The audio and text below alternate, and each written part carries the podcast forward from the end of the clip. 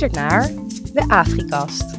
De podcast over geschiedenis, politiek en Afrikaanse cultuur. Met Jos Hummelen. Swingende tribunes, vliegende tackles en heroïsche overwinningen. De Afrika Cup in Cameroen is in volle gang. Vanuit Nederland hebben we ons suf gelachen om een scheidsrechter die tot twee keer toe binnen reguliere tijd afvloot.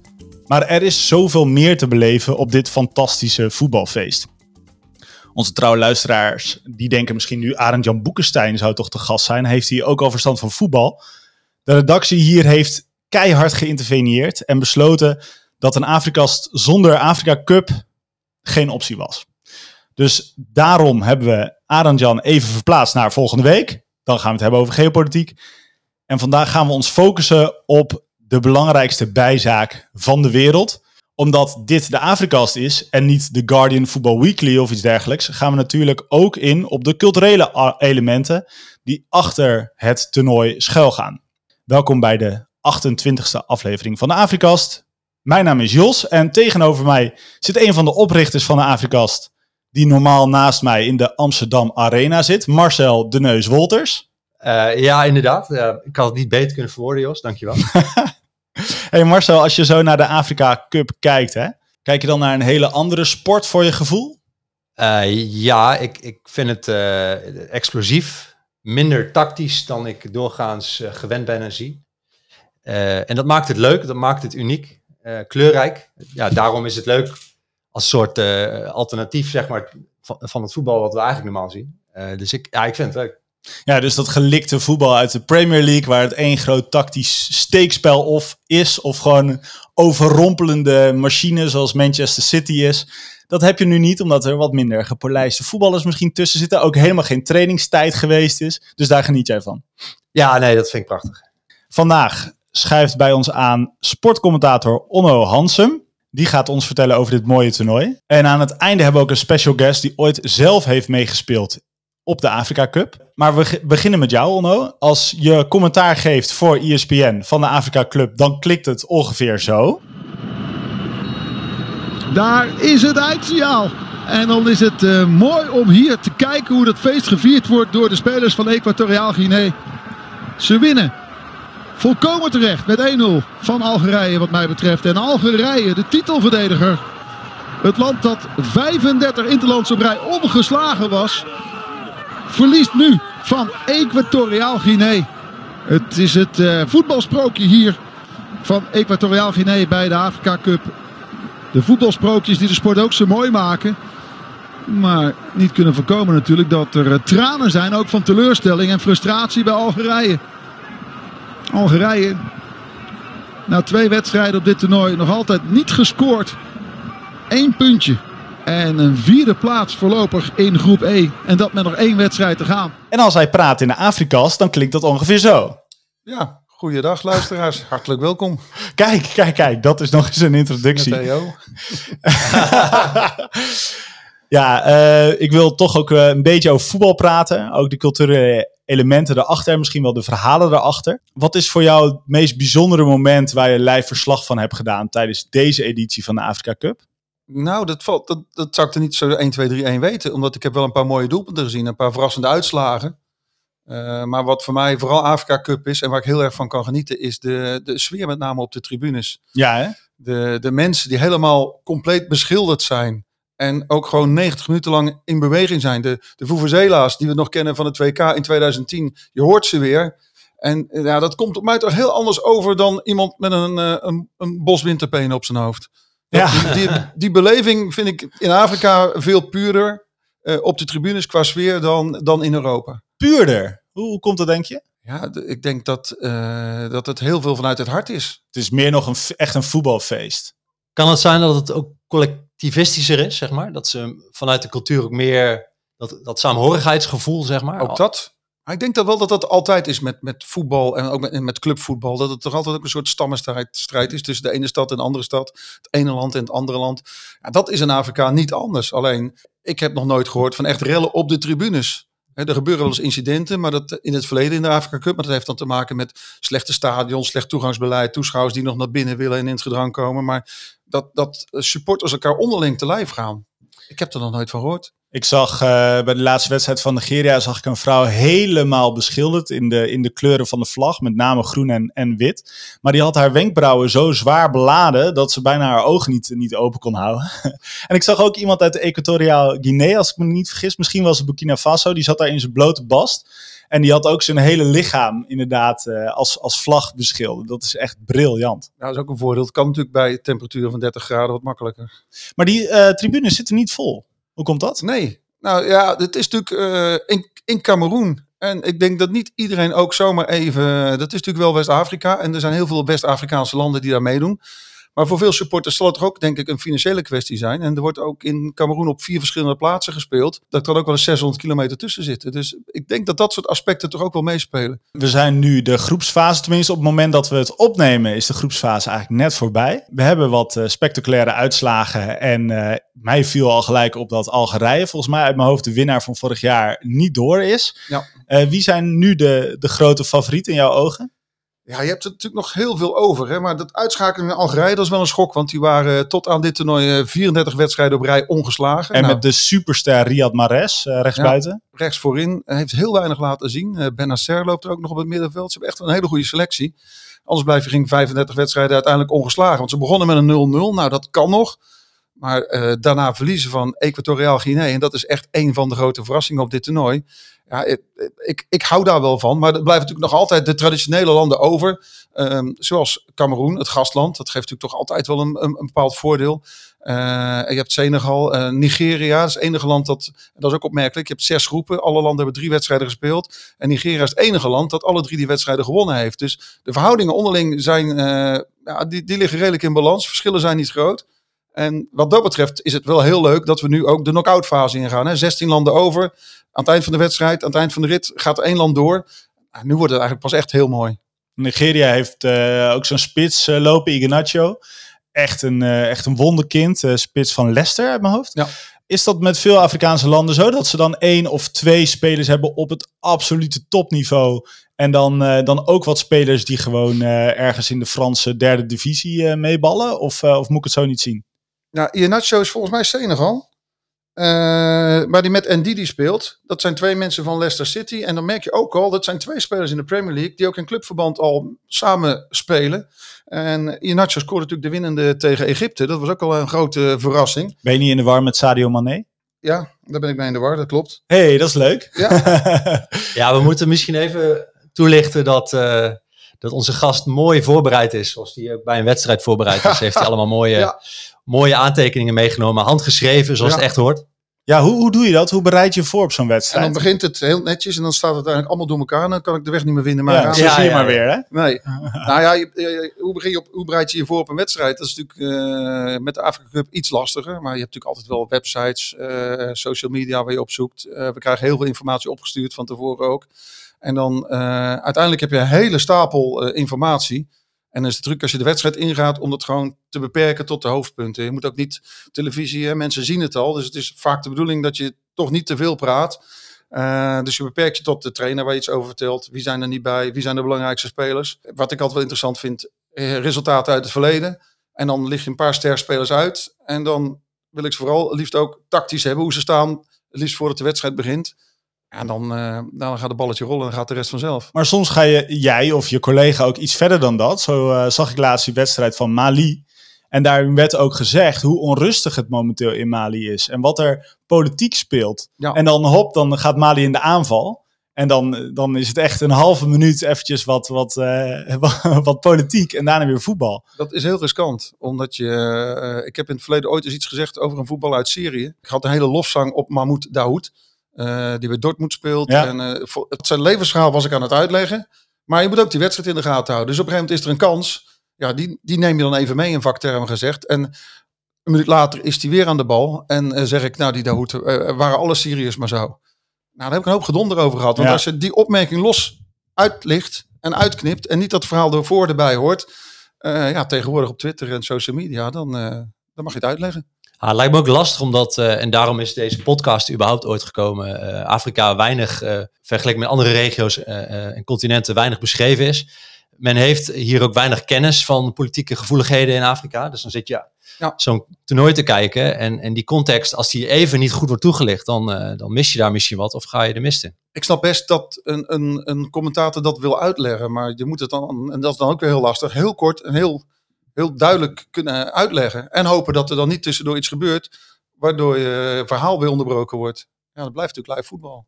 Ik vind dat meer tegenwoordig heb je natuurlijk ook analisten, hè? En eh, die zijn vaak ook heel goed betaald. En die dan voor de wedstrijd in de rust en de afloop er iets over zeggen. Ik, het, het is meer voor de analisten tegenwoordig dat soort dingen. Dat het, de commentator zich ook meer beperkt tot de wedstrijd.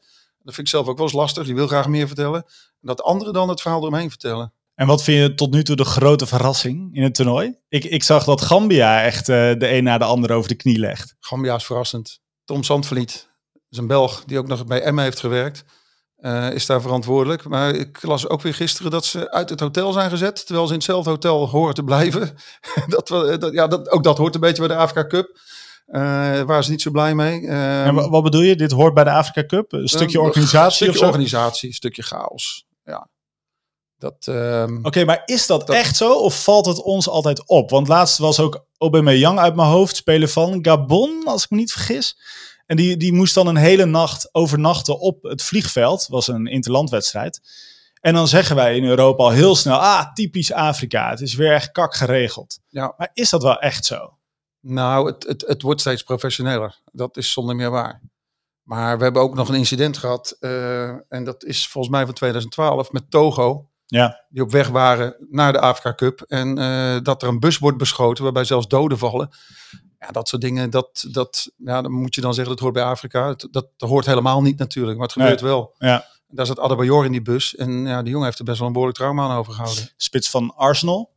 In die tijd, ja. Ja, want eh, ik, vind dat, ik vind dat lastig. Ik vind dit gelijk een heel mooi, mooi, eh, mooi thema eigenlijk. Eh, want ik begon al die introductie met die scheidsrechter die twee keer eerder afluit. Hè? Dus die binnen de 90 minuten Ja. maak, je, maak je één keer zo'n fout. Dan zeg je nog, nou, bizar. Maar maak je dat twee keer, dan, dan, dan dat is gewoon super onprofessioneel.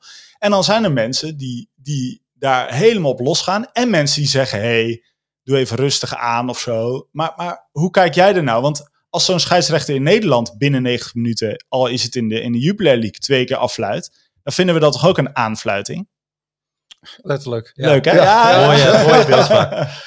Ja, ik, ik, ik vind het wat. eh, het is heel makkelijk om meteen heel eh, eh, stereotyp te gaan zeggen: het is Afrika Cup. Dit kan gebeuren. Het verhaal achteraf is dat die scheidsrechter, wat ook een internationale scheidsrechter blijft ja. te zijn, bevangen was door de hitte.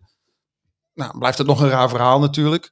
Maar ik heb tot nu toe, eh, en dat is ook breed uitgelicht in de media, twee incidenten meegemaakt. Dat is dit verhaal met die scheidsrechter en het verhaal dat er een verkeerd volkslied is afgespeeld. Ja, tot een aantal keer toe. Ja, maar om heel eerlijk te zijn, ik, ik kan heel veel andere evenementen en grote toernooien noemen waar het ook gebeurt. Dus ook Ja. bij Olympische Spelen en Ja, dergelijke. Dus ik, vind het, winterspelen, hè? Precies. Ja, ja, ja. dus ik vind het ook wat makkelijk om dan te zeggen, ja, dat is de Afrika Cup. Het wordt echt steeds professioneler. Dat merken wij bijvoorbeeld ook in de manier waarop het op televisie wordt weergegeven. En er is nu ook een VAR, ik noem maar wat. Ja. Toen ik mijn allereerste toernooi deed om de Afrika Cup, dat was eh heel, VAR, heel, heel, één seconde, Onno. eh, Want onze luisteraars die zijn niet per se, Af- eh, die zijn niet per se voetbalfan. Nee. VAR is de, De VAR. Video Assistant Referee. En Ja. die, dan kan je met de video meekijken of iets bijvoorbeeld buitenspel is bij een goal of iets een rode kaart is. Ga verder. iemand die in de caravan zit buiten en dan meekijkt. Ja. Nee, maar ehm, ik weet nog in de beginjaren, Eurosport heeft jarenlang de rechten gehad van de Afrika Cup. En dan zonden wij live wedstrijden uit. En mijn collega Frank Kramer, die onlangs is overleden, die heeft ooit een legendarische wedstrijd gedaan. Eh, dat werd verlengen. En vervolgens moesten de strafschoppen worden genomen. En net op het moment dat de aanloop werd genomen voor de eerste strafschop, ging het beeld op zwart. En eh, daarna hebben we nooit meer contact gehad met, volgens mij was het in Gabon of zo. Bleek dat de satelliettijd eh, verstreken was. En eh, ja, dat de wedstrijd verder niet meer uitgezonden kon worden. nou, iets, iets met licenties en... Ja. nee. nou was Frank Kramer nog wel, die had een heel verhaal verzonnen uiteindelijk. Dus het, het, het werd nog wel komisch. Maar hoe het nou in de werkelijkheid is gegaan, heeft de kijker in ieder geval op dat moment niet meegemaakt. Oké, maar de boodschap hieruit die ik meeneem is: hey, het professionaliseert. En die twee incidenten waren helemaal aan het begin van het toernooi. Ja. Toen gingen commentatoren al een bingo-kaart aanleggen. Leg dat eens uit. Ja, maar dat, dat, eh, dat, deze commentator heeft dat met meer eh, evenementen zo. Dus Ja. is iets, eh, er is ook onlangs een bingo kaart voor hem gemaakt. eh, op weg naar een wedstrijd. Van hij zal dit wel zus en zo wel gaan zeggen. Maar wat staat er op de bingo-kaart van de Afrika Cup? Eh, beleving, eh, grote, grove tackles. En dat was natuurlijk het verhaal bij de openingswedstrijd. Meteen Burkina Faso tegen Cameroen. Ja, ja. Dat ja, eh, je gaat zitten, je denkt Afrika Cup. En binnen 30 seconden vliegt er een twee meter door de lucht. En die komt nog goed weg met geel. Ja, dan denk je wel van oké, dit is het. dit, dit kun je verwachten. Eh, André Onana in het doel bij Cameroen. Die gigantisch onder een bal doorduikt. Weet je, dan denk je, ja, dat, dat hoort bij de Afrika Cup. Hoezo? Een blunders van de keeper? Ja, die zie je Ja, zeker, ja. Maar we hebben natuurlijk nog eentje gehad van Ivoorkust. Die keeper die valt en die bal eigenlijk heeft met niemand in de buurt. En hem zo onder zijn lichaam door teruggooit. En er wordt nog gescoord. Ik wilde vooral even ook eh, in, in dat licht, hè, de, de tackles deed me ook denken aan Sangaré van, eh, van PSV. Ja. En wat ik daar interessant aan vind, is dat die, als ik het zo meekrijg in de wedstrijden en in de, de verslaglegging eromheen, heel erg ja, wordt bejubeld eigenlijk. Hè. Overal op het veld te vinden is, zeggen ze. Ja. wat, een, wat een motor, wat een, wat een machine. Maar in, in Nederland kijken we toch als een soort, naar hem als een soort, ja, wel inderdaad een harde werker. Hè. Eh, kan mannetjes putten, maar zodra hij een bal krijgt, weet hij niet wat hij ermee moet. Hij, hij is heel lang ondergewaardeerd in Nederland natuurlijk. Hè. De tijd geen basisspeler geweest bij PSV. En het is misschien wel meer van tien jaar geleden. Maar toen had je echt, eh, wat ik altijd dan een eenmans destructiebedrijf noem. Dan stond er op het middenveld zo'n zo'n hele grote, brede, vaak donkere speler. Die, eh, die onuitputbaar was en al die ballen veroverde. En dan was het verhaal van ja, die moet die ballen veroveren en inleveren.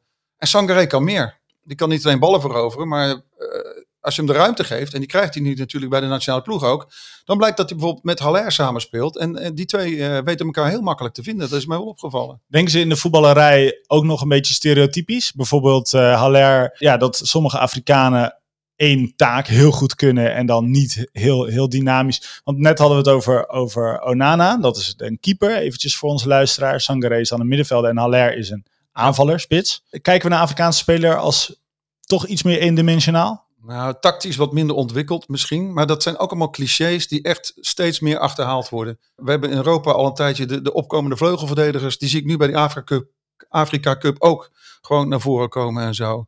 En wat, en wat wel leuk is, ik heb toevallig Equatoriaal Guinea een aantal wedstrijden gedaan. Dat is dan een ploeg die de laatste 16 haalt, die heel leuk voetballen.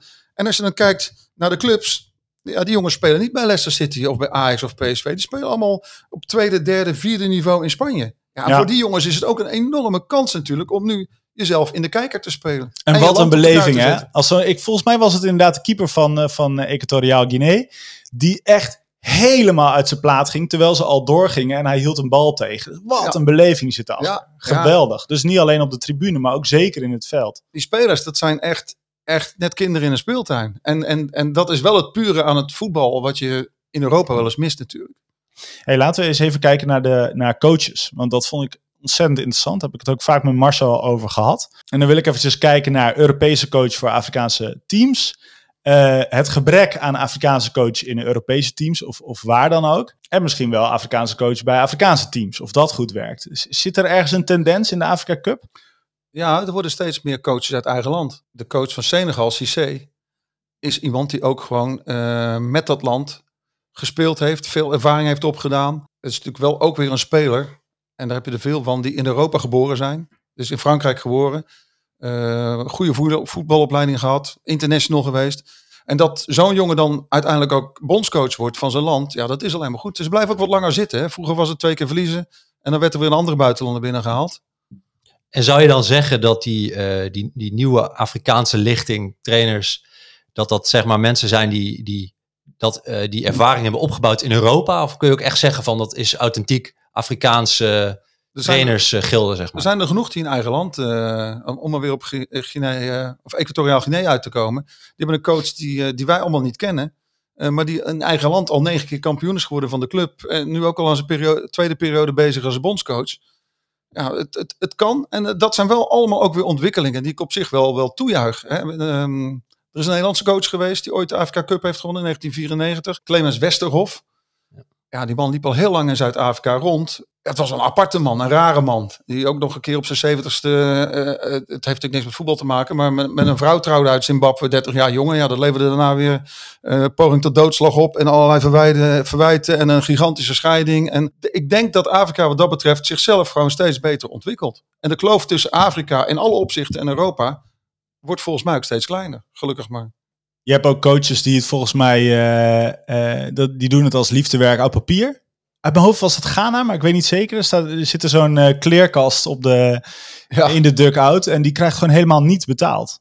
Ja, dat is een verhaal wat mij niet bekend is, maar het zou heel goed kunnen. Nou, ik dacht toen je Ghana zei ook, want eh, we hadden het al even over de, de teleurstellingen. En eh, Ghana is natuurlijk, eh, die hebben het ook niet, eh, niet goed gedaan, eh, Nee. dit toernooi. En waar zit hem dat in? Veelvoudig winnaar. Ja, het, het, het is vaak een generatie waar een land op drijft natuurlijk. Nou ja, nu hebben ze een party eh, daar lopen. Ja, nou ja, die komt terug. Dat vind ik ook een raar verhaal trouwens. Die gaat eh, die binnen 48 uur staat hij weer op het veld bij Arsenal.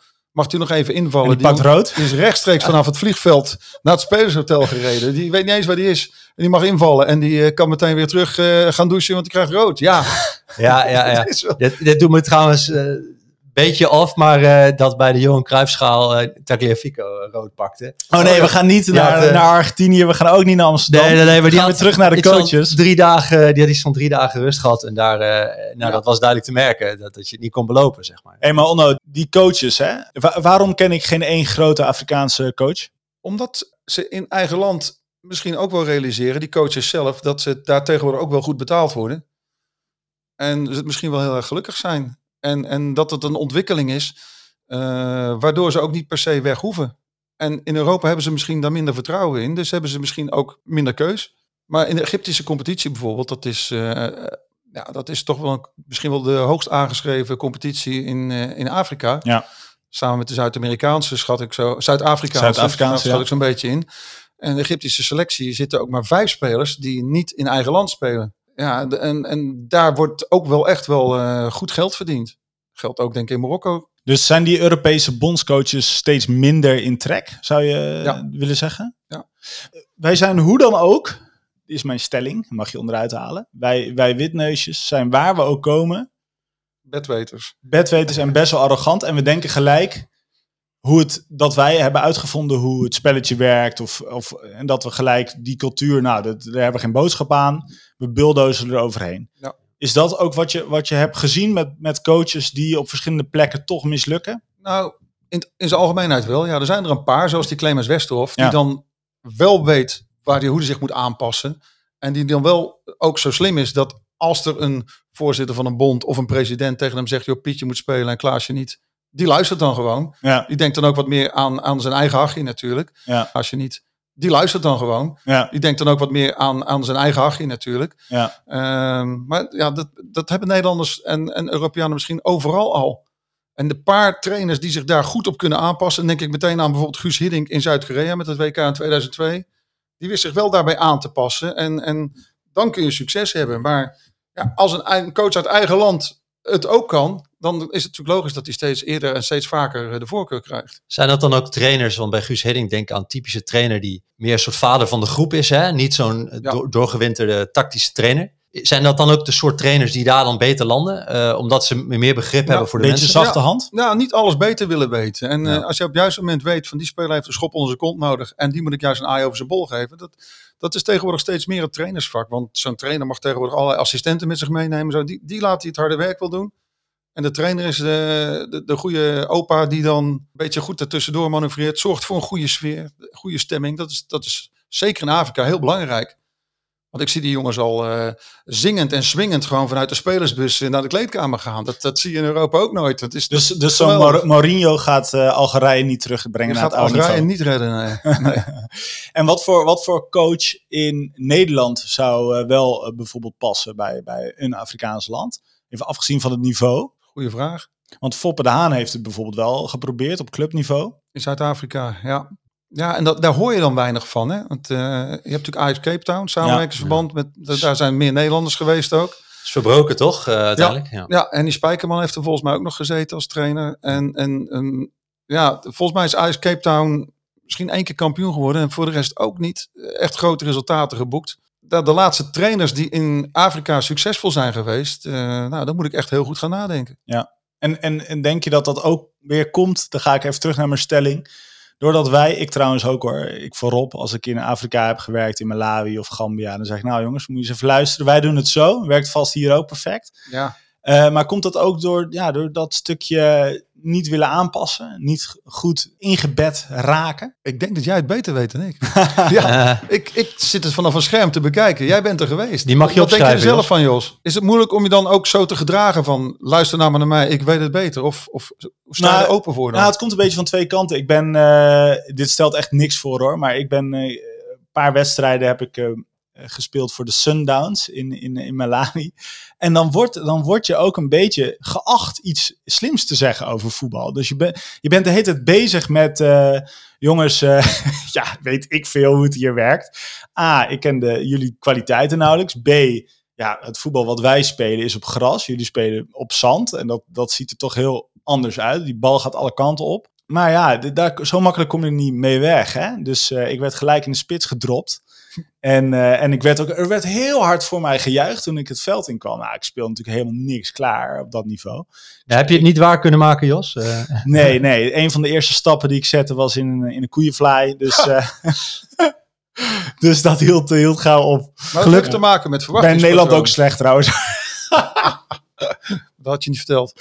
Maar, maar ik bedoel, als stel hetzelfde geldt, weet jij een, een, een, een hele mooie trainingsvorm en krijg je dit voor elkaar dat die jongens dat gaan uitvoeren en dat ze inzien van, hé, als we nou zo een driehoekje spelen, staat er daar een vrij. Dan hebben ze iets aan je. Maar als ze meteen al denken, nou, die Jos die is geweldig. Het is eigenlijk een verdediger, maar we zetten hem in de spits, want hij is zo geweldig. Hij schiet ze er toch wel in. Ja, dan, dan, dan gaat het al wringen, hè? Dan schuurt dat en dan, dan werkt het niet. Ja, eventjes over die beleving van het voetbal. Dat vind ik ontzettend interessant. Want het toernooi heeft voor veel mensen toch eh, een ander aanzicht dan bijvoorbeeld het EK. En dat is niet alleen maar omdat wij in Europa wonen. Eh, want over de hele wereld wordt het EK heel nauwgezet eh, gevolgd. Veel mensen denken aan arbitrale dwalingen, verkeerde volksliederen, hebben we het net over gehad. En allerlei andere randzaken. In hoeverre wil je die stereotypen en die bingo-kaarten eh, naar de prullenbak verwijzen? Er mag altijd wel iets authentieks in blijven, wat mij betreft. Ik zie heel veel spelers van 20, 30 meter al op het doel schieten. Ja, laat ze het maar blijven doen.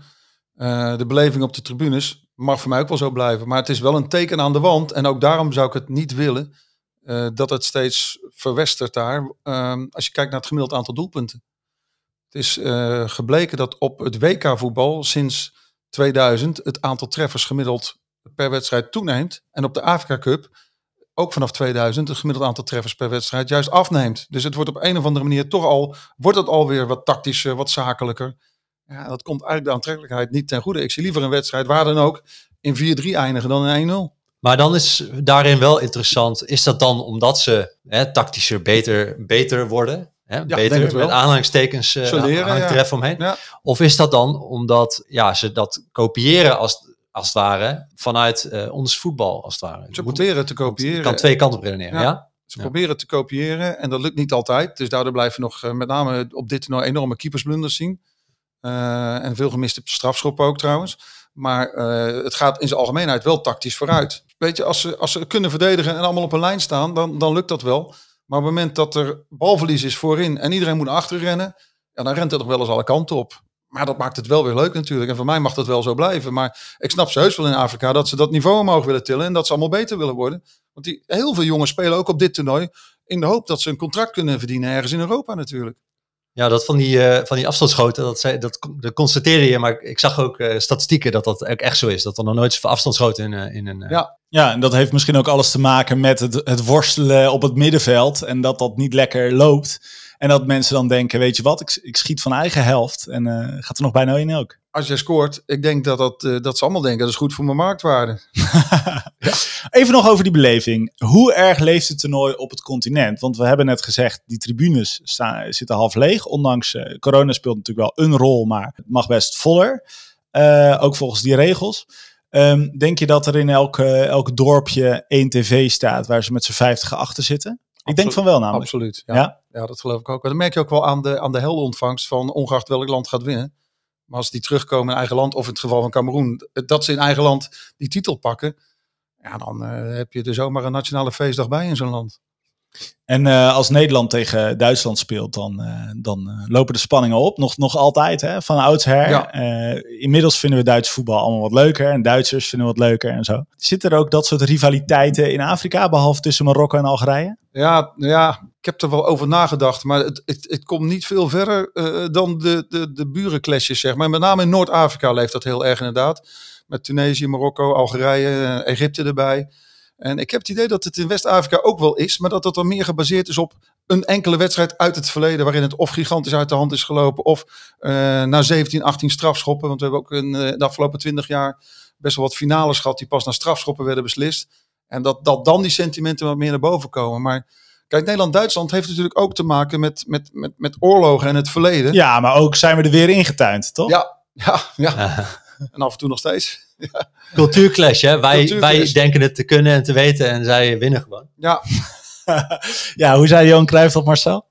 Uh, nou, iets, in, zoiets, maar in andere woorden, geloof ik. Volgens mij zei hij, voetbal is een spelletje met 22 oh, spelers ja. en aan het eind winnen de Duitsers. Ja, ja. precies. Ja. Ja, maar dat zal, dat zal daar ook wel leven als, als Zuid-Soedan tegen Sudan speelt. Uh, maar daar ben ik niet zo heel erg van op de hoogte. En daar bereiken ons ook niet zo heel veel berichten over. Of jij moet er wat weten, Marcel? Nee, nee, nee. Ik heb die berichten ook niet ontvangen in mijn... Uh... Vind je in het algemeen dat er voldoende interesse is in Nederland en de westerse wereld voor AFCON? Ja, de echte voetbal, voetballiefhebbers weten dat ook uh, zeker wel te vinden. En kijken. Ik krijg uh, tijdens en na uitzending ook wel wat appjes van, van mensen uit de voetbalwereld. Van hey, die nummer 5 rechts achterin, weet je daar wat meer over? Of heb je die vorige wedstrijd ook al gezien? Of wat vind je ervan? Dus het, het, het is vooral een etalage. Maar ook een enorm cultureel uh, schouwspel. En, en de belangen worden ook steeds groter. En, en ja, wat dat betreft denk ik dat het wel gewoon een, een, een uniek toernooi is. Wat ook steeds meer waardering krijgt natuurlijk. In het verleden werd er niet zoveel naar omgekeken. En tegenwoordig met steeds meer de grote namen erbij. We hebben natuurlijk ook steeds meer en ik weet niet of dat wel heel fijn is, ook voor de belevingen. Maar dat spelers die gewoon in Europa geboren zijn, uh, maar met een, met, een, met een opa of oma of een vader of moeder uit een bepaald Afrikaans land, dat ze dan toch voor het land mogen spelen. Ik denk dat die spelers dat zelf dan ook anders beleven dan iemand die er echt geboren en getogen is en, en daarmee opgegroeid is met die Afrika Cup ben eigenlijk benieuwd hoe dat soort spelers dan in zo'n groep uh, landen, zeg maar. Maar dat is uh, misschien een terzijde hoor. Maar... Ik denk dat er onderling ook wel een soort cultuurverschil is. Of dat uh, Sebastien Haller, die, die geboren is in Frankrijk en dan uiteindelijk heel lang heeft gehoopt dat hij voor de Franse ploeg mocht spelen. Uiteindelijk dan toch die switch maakt van, hè, want die keuze heeft hij van, ik ga in Afrika voetballen. Dat hij dan ook denkt de eerste keer, waar ben ik nou, waar ben ik nou terecht gekomen? Wat is dit voor, voor sfeer? En, en ja, of, dat, of er komt ergens iets naar boven bij hem, dat, dat kan ook, dat weet ik niet. Ja, interessant. Heb je nog een paar van die voorbeelden? Want wij kennen natuurlijk de, de Marokkaanse voorbeelden hè, van, van onze jongens uit Alfa aan de Rijn, eh, die dan in één keer voor het Marokkaanse elftal gaan, terwijl ze zeker goed genoeg waren voor Oranje. Mijn bescheiden mening, hè, natuurlijk. Ik heb het over Ziyech. Maar ook uh, zo'n Iatare die aan de andere kant. Iatare is natuurlijk nu even in een mindere periode, maar dat was wel het talent. En Nico is wel weer voor Nederland, even uit mijn hoofd. Zijn er ook nog in andere landen van die, ja, van die spelers waarom getrokken wordt? Niet dat ik weet. Uh, maar het is, het is wel altijd, ik vind het ook wel af en toe gênant worden, dat zodra er een, een, een Nederlandse Marokkaan of Marokkaanse Nederlander, hoe je ze wil noemen, uh, dreigt heel goed te worden. Ja. Dan, dan wordt er vanuit Marokko aan zo iemand getrokken. Ja. Ik, ik weet dat uh, Mark Wotte is daar een tijd coach geweest van het Olympisch team en Marokko onder 20. En, en die heeft mij ook wel eens benaderd. Van, zou dat soort spelers, als jij wedstrijden doet, al, waar dan ook van Europees voetbal, zou je ze in de gaten willen houden en door kunnen geven? Want dan, dan worden ze al gebeld, worden ze benaderd, worden ja. ze gewoon en dat gaat ver, hè, voor onze luisteraars. Voor, voor, ons, voor Marokko of voor Nederland. En dat wordt, dat worden hele, hele onfrisse eh, spelletjes, zeg maar. Volgens mij was zelfs de, de vader van Iatar is overleden, toch? Uit mijn hoofd. Ja. En de bond van Marokko, die was daar dus bij, bij de begrafenis. Klopt, Dan moet je nagaan hoe, hoe dichtbij dat komt.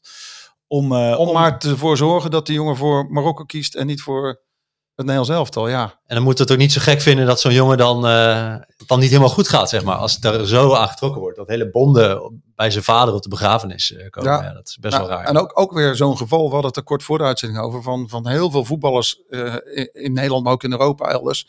Zodra ze enig talent blijken te hebben en ze zijn 11, 12 jaar, dan iedereen in die omgeving uh, vindt, zo'n jongetje dan geweldig. Dat levert enorm veel druk op. Bij de VPRO hebben ze daar onlangs een hele documentaire reeks over gemaakt. Over, over bij Sparta die met een busje worden gebracht en gehaald. De hele familie loopt erachteraan te sjouwen, want hij moet het gaan worden. En als het dan niet lukt, of zo'n jongen de druk niet aan kan, dan, en dat valt met Iatara nu nog wel mee. eh, Ik denk dat hij zich er alleen zelf meer voor moet openstellen. Maar er zijn heel veel spelers die het eerste helft niet eens halen in het betaald voetbal. En dan kent niemand ze meer. En dan krijgen ze mentaal ook problemen. Want dan voor een gevoel hebben ze gefaald. Hun ouders hadden verwachtingen van ze. Hun vriendenkring had verwachtingen van ze. Ze konden nooit naar een disco of een feestje of naar de bioscoop. Want ze moesten op tijd naar bed om te trainen. En nu zijn ze niet doorgebroken in betaald voetbal. Zijn ze een jaar of twintig. Ja, en dan val je in een gat. Ja, grote families, hele, hele thuisgroepen, eh, dorpen die, die dingen van je verwachten. Ja. Eh, dat zal wel eh, inderdaad wat zwaarder wegen. dan- Ja, daarover. Want sommige spelers die, eh, die beuken door alle psychische eh, barrières heen. Eh, Zo'n speler als eh, Sadio Mane, Mohamed Salah, eh, Pierre-Emerick Aubameyang. Die gasten die zijn extreem goed. Die krijgen dus ook extreem veel betaald. Omdat ze gewoon Ja. voor een entertainment factor eh, 10 plus zorgen. Zie je nou dat dat soort spelers in hun eigen, beter voor hun eigen omgeving zorgen? As opposed to als je bijvoorbeeld Ja. een, een Nederlandse held bent eh, en ook veel geld verdient. Dat, zie je dat terug? Absoluut. Die doen veel, heel veel voor de gemeenschap. Dat wordt in Afrika ook wel van je verwacht. Ehm, alleen ze zijn wel zo slim, denk ik, dat ze dat ook niet te veel naar buiten toe eh, etaleren. Want dan gaan er nog meer mensen op ze afkomen. Dat voelen ze waarschijnlijk wel aan, die iets van hen willen. Aubameyang is trouwens wel een triest verhaal, hè, want die is terug naar Arsenal, waar hij op dit moment ook een probleem heeft. Eh, er is, hij heeft corona gehad. Maar nu blijkt dat er toch wel best veel topsporters ook aan de, na, naar aanleiding of na corona eh, last krijgen van hartritmestoornissen. En daar heeft Aubameyang nu last van. En eh, die moet nu serieus onderzocht worden. En dat zou best wel eens einde carrière zijn voor hem. Ik zou daar graag op verder willen gaan, maar dan gaan, drijven we een beetje het verhaal misschien. Maar ehm, wa- wat doen ze dan, die, eh, die Afrikaanse voetballers in, in, in eigen land? Zorgen voor een, niet alleen voor een familie, maar vaak ook voor een hele dorp. Of daar eh, scholen of kerken, dat is bekend van Mané, hè, die, die daar gewoon eh, eh, kerken laat bouwen en scholen laat bouwen. En, en zorgt dat er de voedsel is. En ja, ik, ik, ik, moet dan ook weer oppassen, hè, want dan heb je het stereotype beeld voor je ogen van al die Afrikanen wonen maar in een dorpje waar niks is. Ik denk dat dat ook niet meer zo is tegenwoordig. Maar daar waar het kan, daar proberen ze wel te helpen. Dat, dat is ook de cultuur daar, denk ik zo. De mindset is, jij hebt veel, ik heb misschien weinig, dus jij helpt mij. Dat is een heel, eh, heel nobel streven, denk ik. Zouden misschien in Europa ook wat meer mensen moeten doen. Even voor onze luisteraar, eh Mané is een keer gespot in de spelerstunnel met een kapotte telefoon. Eh, die man is miljonair en die heeft gehad gewoon een, een scherm waar een enorme barst in zat. En toen eh, vroegen zijn teamgenoot, waarom moet jij geen nieuwe telefoon? Toen zei hij, hoezo? Hij doet het toch nog? En, en hij geeft Ja. gewoon andere, hij heeft gewoon echt andere prioriteiten. Kan dat ook iets betekenen voor de, is misschien een, eh, een, een, eh, stap te ver hoor, maar zo- zo'n Mané en andere voetballers die vind ik ontzettend frivol. Hè? Die voetballen niet met een, met een lode dru- druk om zich heen. Misschien omdat ze, omdat ze zich wat vrijer voelen. Ze voetballen niet alleen voor zichzelf en eh, ze voelen zich wat frisser daarover. Of is dat psychologie een ik denk ver? dat ook bij hun nationale ploeg heel veel druk is. Maar ik denk dat ze zich comfortabeler voelen. Kijk, Jurgen Klopp, eh, daar- ik kan me heel goed voorstellen dat je van Jurgen Klopp, zijn, zijn clubtrainer bij Liverpool, dat je daar op een gegeven moment ook wel moe van wordt. Dat word ik al als ik alleen naar die man kijk langs de kant. Ik denk elke keer neem een keer een douche en poets een keer je tanden. maar kan aan mij liggen. Nee, dat kan ik me voorstellen dat je dat denkt. Maar de, de- de- nu heeft hij dat veel minder natuurlijk. Hij is daar meer de held. Hij kan doen wat en hij wordt gemist bij Liverpool hè, op dit moment. Ze hebben Ja, de tactiek zelfs aangepast, omdat ze hun twee belangrijkste mensen voorin missen. Dat is ook interessant, hè, dat, eh, dat terugkerende fenomeen dat spelers Ja. dan opeens weg moeten. En clubs daarvan balen. En eh, clubs daarvan balen. En van ja, waar, waar trek je grenzen? Kun je, kun je die grenzen trekken überhaupt? Hè? Kan je als club, veel clubs zeggen dan, eh, die wat geld of wat macht hebben, zeggen van joh, dat wil ik niet. Nou, er waren plannen om de Afrika Cup in de zomer te gaan spelen. En dat is ook al gebeurd. Alleen eh, vanwege de coronacrisis en dergelijke en toernooien die ingehaald moesten worden, is het nu weer, als het goed is, is het eenmalig naar de winterperiode verschoven. Eh, want ze hebben het heel druk in Afrika met voetballen. Want eh, er wordt ook nog gelood. Er moeten nog vijf landen naar het WK. En dat WK is ook eind van dit jaar. En dan gaan nog tien landen tegen elkaar spelen voor vijf plekjes eh, op het WK namens Afrika. Dat wordt ook heel interessant. Ehm, we hebben zometeen een, eh, een bijzondere gast. Dat is eh, Jacob Mulenga, een bekend van FC Utrecht. Nu in een coachende rol bij Go Ahead Eagles. Een Zambiaan. Speelde ook zelf op het, op het toernooi. Vind je het logisch dat we hem hebben uitgenodigd? Ik vind het een super gave gast. Dat is echt een man die geboren is in Zambia. En ook dat toernooi heeft meegemaakt. En Zambia is ook een land met een verhaal natuurlijk. Met de vliegramp in 93. Ja, ja vertel eens. En- hoe, en- hoe zat dat ook alweer?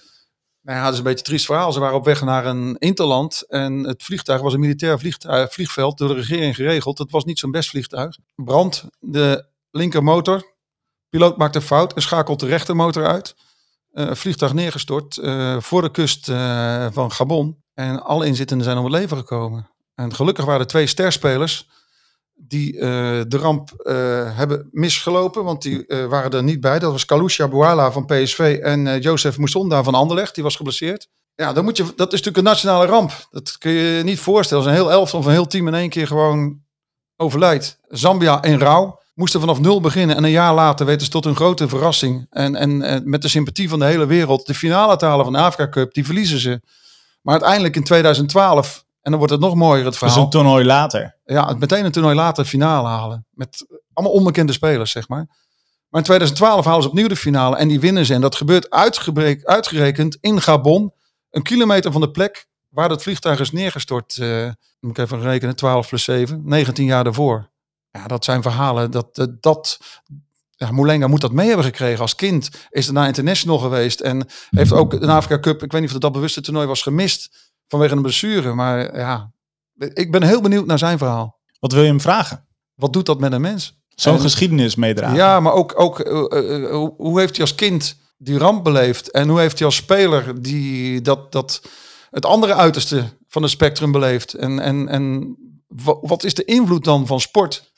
Eh, waarvan mensen zeggen, ja, het is de, de meest belangrijke of onbelangrijke bijzaak van het leven. Het relativeren van de Ja. sport, ja. Ja, je geeft mensen daar toch weer heel veel vreugde mee. En heel veel plezier. En natuurlijk, daardoor kan je niet de volgende dag je boodschappen doen. Maar het zorgt wel voor euforie. We schakelen dus eventjes naar die speler, Jacob Moulenga. We switchen daarvoor even naar het Engels. Daarna komen we weer terug in het Nederlands. Eh, nogmaals, oudspits van Zambia. En haalde ook de Afrika Cup in 2006. So, Jacob, what was it like to play in the Africa Cup? Oh, it's tough. Very, very tough. Why is it tough? No, everyone there is very, very athletic, and yeah, maybe now the tactical aspect is very high, and it's getting a lot better because they have a lot of players in Europe. But before that, it's an opportunity for everyone to sort of like get to their dreams. They know once they have good games, there's a big transfer that's going to happen for them. So everyone is always going at 110%. I can imagine. Is it very different playing for Zambia than playing for a club in the Netherlands? Yeah, it's very, very different. I mean, everywhere playing for your country, there's a lot of pride and you put in a lot of effort just as you do at the club, but for your country, you know, that's where you were born. There's just a pride thing of, yeah, make your country proud, where your mom, your family, everyone was born. So it's really difficult to explain, but there's such an honor to do it. And you have to give 100% because you're representing millions. You scored one goal in this tournament. Do you consider that a highlight of your career? No, I didn't score one goal. I think uh, I've played three Africa Cups. I think I scored about three or four times. Ah, there you go. Ah. How was that for you? No, it was very, it was very good. Like you progress from the first year, you the first time you played, you're a bit young, you're nervous. The second time you get more experience, and the third time you're experienced. So, and it builds up. You mature more and more because you just have to keep on competing with the other Zambians. So, it's a, it's, it's a very good thing. And what does it mean for you, or what does it mean for the people in Zambia? Like, what does football mean for them? No, football is it's yeah, just like I think in most places, football is the number one sport in the world, and it means a lot when your country's playing. Everything comes to a standstill. Everyone's focused. Like I say, uh, football unites people. It brings just everyone is together. The rich, the poor, the middle class, the sick, the not sick. In that moment of you playing for your country, you have the possibility to make everyone become one, and everyone have the same feeling of joy. So it's really something special. Is it like the orange fever in the Netherlands, or is it quite different? Now, of course, uh, it's it could be the same of how passionate people are about football, but it's everyone. It's a different culture, but at the, the bottom line is everyone supports their country with all with all their heart because they know it's their country. How would you describe the Zambian football culture? Yeah, they're very passionate, very very passionate. If you win, you literally yeah. Most of the time, in some games, if you win, if you lose, and you're not supposed to lose, yeah, you have to go home with security because everyone is mad. People break things. It's just it's, it's a bit chaotic, but at times it's good, but it's just it's not a bad thing. It's just the passion of the fans, and they expect so much. Yeah, Jacob, is it because of course in the in the conversation uh, before we were also talking about the way the the Western football sees African football. Uh, how do you how would you describe African football? Except for passionate, but also the the tech the techniques and the way of playing.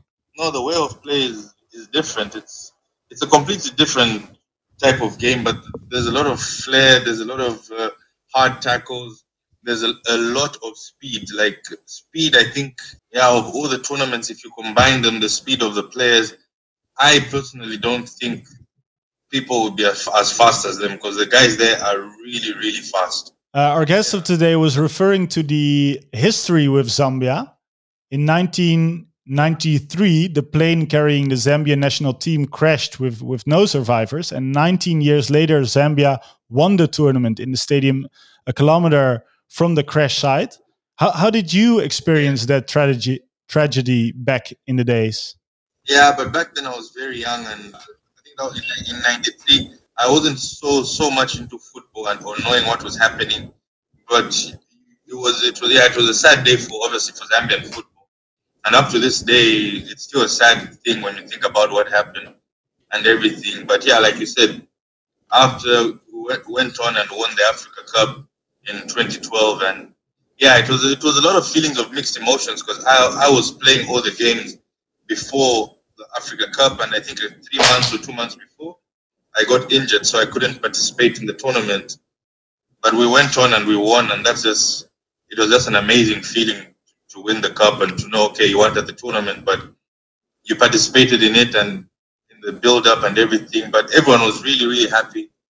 It brought a lot of uh, emotions to everyone, to all Zambians, but a lot, it also brought a bit of relief, as in okay, what happened then shouldn't have happened. We don't understand it, but to win the cup there was something special. So, Jacob, you described this, of course, as a very important moment for Zambia and, and, and also for you, but you couldn't name a percentage, of course. But to what extent was it a, a bit of a, a shame that you weren't there because of your injury? I think you said uh, that, that year that Zambia won. Yeah, that's the exact year. I think if I understand your question.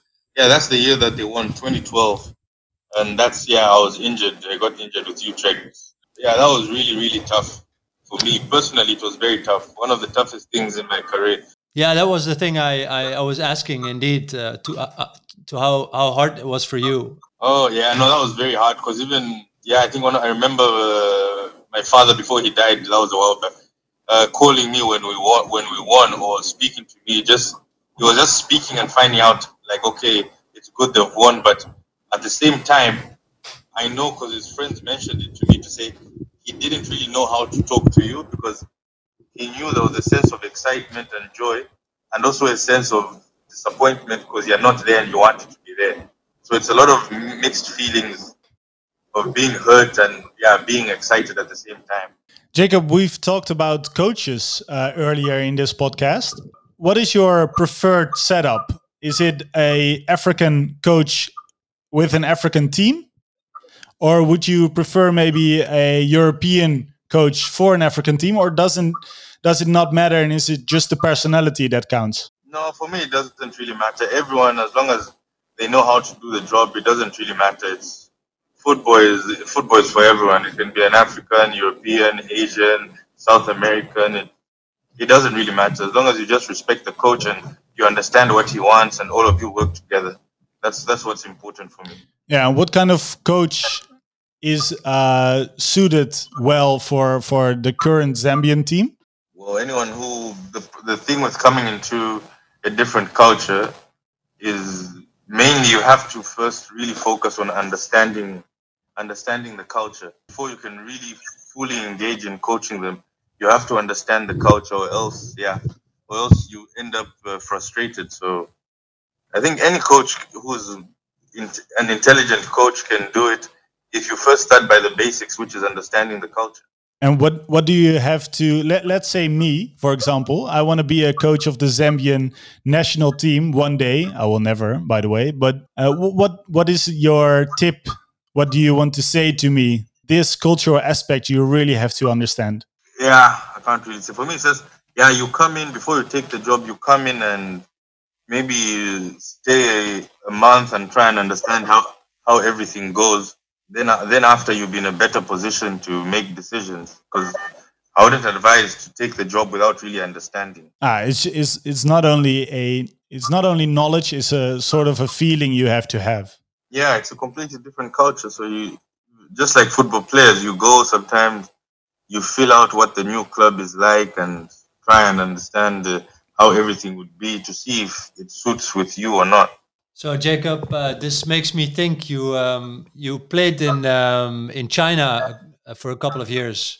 Well, that's a, a pretty different culture, I would say. Uh, how was that for you? Is that the same thing that if you have the right mindset, you can adjust, or was that a thing on its own? No, that's that's yeah, like it's also about adjusting. Like you know it's a different culture, so I'm just I'm okay. I'm I manage I manage to cope and manage to just adjust to different situations. What about the uh, the current Afcon? Um, who do you predict who will win? Oh, I don't know. There are some uh, good teams. Uh, you still have Cameroon, Nigeria, or Ivory Coast. There, these are very, very strong teams. But Morocco is also there. But yeah, it's I, I can't say. But I would, I would put it between between those Cameroon, Nigeria, or Ivory Coast. I would put it. Morocco also has a good team, but I think between Cameroon, Nigeria, and Ivory Coast, one of them will take. So Jacob, that sounds like the the, the, the well the famous big African countries uh, football wise. So uh, you you you don't expect one of the the outsiders to win this one. No, I actually do because this is that's the thing with African football. Anything can happen. One last question: What does the way we look at the Africa Cup of Nation say about us, uh, about us uh, Dutch people, or about us Europeans? Well, I yeah, I haven't really focused a lot on how you look at it, uh, so I can't really answer that question. But from my perspective, I think it's just it's a tournament which, like just like uh, every African respects the European Championships or the South American Championship, it's a tournament you have to respect when you're talking about players and them leaving, going to play for the Africa Cup. So it's it's just something. It's it's a respect thing which has to go both ways. Good. Thank you so much, Jacob Mulenga. Yeah, thank you, Jacob. Thanks. Thanks. You're welcome. Thank you so much, Jacob Mulenga. Eh, we switchen weer eventjes terug naar Onno Hansen. Want ik heb nog twee vragen. Namelijk, wie gaat er met de titel eh, vandoor? Op 6 februari is de finale. Eh, hoe zie jij dit voor je? Kleine voorspelling. Ja, leuke vraag. Ik denk Senegal. Toch Senegal? Ja, die hebben ook nog nooit de Afrika Cup gewonnen. En dat zit ze toch dwars. Ze hebben twee keer de finale gehaald. En de laatste keer dat ze de finale verloren, dat was in 2012 na strafschoppen. En de man die de beslissende strafschop toen miste, is nu de bondscoach. Aliou Cissé. Dus ik verwacht daar wel... Dat is een verhaal. toch- ja, dat is een verhaal. Maar dan wel een soort comeback kit dus, want die Ja. eh, staan op wat is vijf of die zijn echt op de op de valreep doorgegaan. Ja, de wederopstanding. Je, je, je- je hoeft niet... eh, ik geloof dat de laatste vier winnaars van de Afrika Cup het toernooi zijn begonnen met een gelijkspel. Ja, je kan het ook opbouwen, zeg maar. Qua Ja, vorm. ja, Dus, ja. eh, Nou, het is wel het mooiste voor de, voor, voor, voor, de, voor de sfeer natuurlijk. En wat is dan je voorspelling over hoe ze gaan juichen? dat wordt heel kleurrijk, laat ik het zo zeggen. Ja, mooi. Kleurrijk? Eh, Is het, wordt het een saluut? Gaan ze, gaan ze bidden? Wat gaan ze doen? Ja, dat- iedere speler reageert anders natuurlijk. Maar dat wordt, ja, de, de vreugde-explosies, die, die kun je je wel voorstellen, denk ik. En eh, daar zal ook het publiek, publiek bij betrokken worden. Tenzij ze in de finale winnen van het gastland Cameroen, dan, dan moeten ze misschien even oppassen. Ja, ja. Dat kan ook nog natuurlijk, want die zie ik ook wel ver komen. Ja, je, hebt, je hebt nog zoveel goede ploegen die erin zitten. Hè? Nigeria, Marokko ook, Ivoorkust mogen we niet uitschakelen of uitvlakken. en ik vind, ik vind ook het sprookje van de Comoren-eilanden geweldig. Daar wonen nog geen miljoen mensen. Die zijn voor het eerst op dit toernooi. En die, en die komen dan gewoon bij de laatste 16. En daar, daar lopen ook gewoon eh, jongens bij die in Nederland spelen. Zoals Bakari van RKC. Ja, laat ze maar lekker ver komen. Ze gaan niet winnen, maar laat ze maar lekker ver komen. Waar ga jij op letten, Marcel? Eh, ja, toch eh, kijken of, eh, of dan inderdaad een comeback kit, eh, zoals gezegd, het gaat redden. Of, eh, of dan toch Nigeria, die tot nu toe eh, als een stoomtrein vooruit gaat. Ja. Dus eh, ja, die, die, die tweestrijd, zeg maar. En of eh, Marokko, eh, waar toch ook even, outsider, ja. waar geen, eh, geen Ziyech eh, eh, meedeed uiteraard. Eh, Gedoe met de trainer. En uiteindelijk blijkt ze wat traag te starten, maar toch, eh, toch wel een van de betere ploegen te zijn. eh. Ja, Masraoui heeft ook al ruzie met die bondscoach. Die is er ook niet bij. Maar ze hebben natuurlijk ook nog Tissoudali, is Amsterdammers. Abu eh, Amrabat, ja, Abu Ghal. Dus ja, dat zou wel een mooi Nederlands tintje geven aan, eh, aan een mogelijke winst in de Afrika Cup. Nou, dus tot die finale genoeg te kijken. Eh, en we gaan ook met die voorspelling, namelijk van Senegal in die finale, eh, gaan we ook de finale kijken.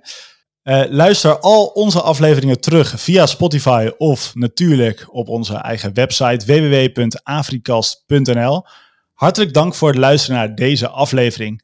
Marcel, ontzettend bedankt. Onno, bedankt. Ik kom niet terug om verantwoording eh, af te leggen voor de voorspelling. De redactie was deze keer in handen van ISO van Leeuwen. Volgende week is dan eindelijk wel het woord aan niemand minder dan Arend Jan Boekenstein. Die laat zijn licht schijnen over de geopolitieke situatie van Afrika. Dus tot dan.